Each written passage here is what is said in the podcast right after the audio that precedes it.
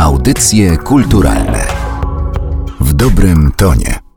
Daniel Miller to legenda brytyjskiej alternatywy przełomu lat 70. i 80. XX wieku. Założyciel kultowej wytwórni Mute miał przemożny wpływ na rozwój kariery takich artystów jak Depeche Mode, Nick Cave, Yazoo, Laibach czy Goldfrapp. Artysta wystąpił podczas tegorocznej edycji festiwalu Sound Edit, prezentując DJ-ski set techno. Przy tej okazji audycje kulturalne zadały mu kilka pytań.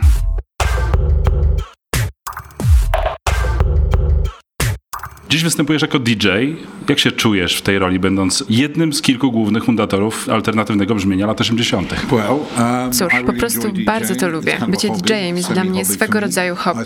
Zacząłem się tym zajmować na poważnie mniej więcej 5 lat temu, ale jest to przestrzeń, którą oddzielam od mojej pracy. Kiedy jestem DJ-em, nie promuję Mute ani niczego, co zostało z Mute wypuszczone. Po prostu gram to, co chcę. Jest to techno. Pozwala mi to na kontakt z publicznością, na kontakt z ich reakcjami, dobrymi lub złymi i bardzo je lubię w każdej odsłonie. Muzyka muzyka, którą kocham, pozwala mi spotkać publiczność i to jest najważniejsze. Co dziś będziesz grał? To będzie spojrzenie na historię czy same nowości? To, co gram, to współczesna muzyka techno, bez przemycenia historii, przeszłości. No. Zawsze chciałem poznać kulisy udzielania licencji na płyty miód firmom z krajów komunistycznych w latach 80. Jak to było załatwiane? Miałeś nad tym jakąś kontrolę? Tak naprawdę, gdy pracowaliśmy nad takimi projektami, nie odpowiadałem za licencję bezpośrednio. Po prostu współpracowaliśmy z firmą, która się tym zajmowała dla nas. I tak, w tamtych czasach wydaliśmy wiele płyt we wschodniej Europie. Mieliśmy wtedy kontrolę nad sferą kreatywną swoich przedsięwzięć. Nikt nie zmieniał naszych okładek ani samej muzyki. Nie byliśmy cenzurowani. Jedynym miejscem, gdzie cenzura nas dopadła, była Korea Południowa. Jak wytłumaczyłbyś fenomen Depeche Mode w krajach komunistycznych? To tylko efekt ich koncertów za żelazną kurtyną?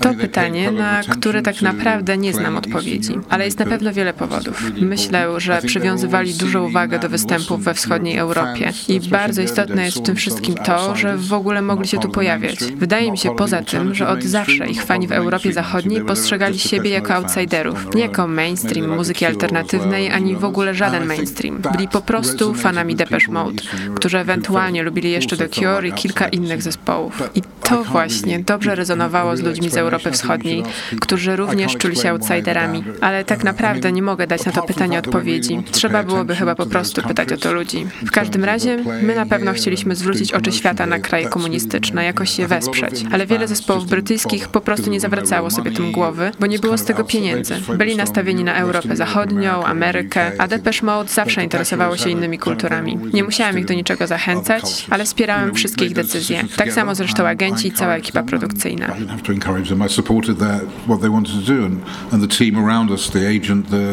everybody wanted, yeah, was supportive of that. Wiesz, że zanim w 1987 roku Leibach zakotwiczył w miód, w 1983 roku był w Warszawie i dał koncert, który przez wielu uznawany jest za początek muzyki industrialnej w Polsce. Jak to się stało, że Leibach, zespół bardzo kontrowersyjny politycznie, zaczął być wydawany w miód?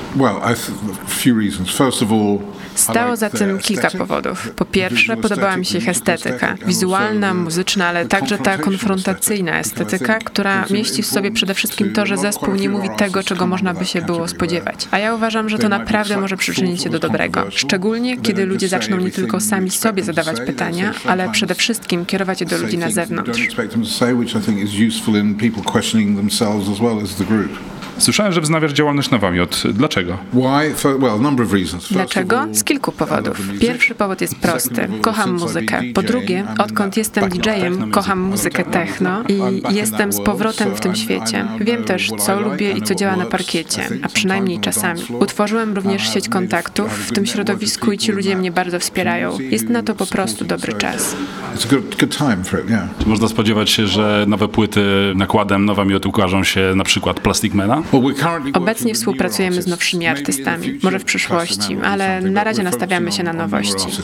Czy znasz jakikolwiek artystów polskich, muzyków współczesnych, e, którzy zajmują się muzyką popularną, szeroko rozumianą? To raz. I dwa, czy chciałbyś kogoś z nich widzieć w szeregach swojej wytwórni? Zastanawiam się nad tym, czy znam jakichś polskich muzyków. To naprawdę dobre pytanie, ale na pewno, gdyby byli polscy wykonawcy, których lubię, to nie byłoby problemu z ich wydaniem. Nie patrzę na kraj pochodzenia. Może to być zarówno Anglia czy Ameryka, jak i Słowenia czy Australia. Nie jest ważne, skąd pochodzi muzyka. Czy z Polski, czy z Paragwaju.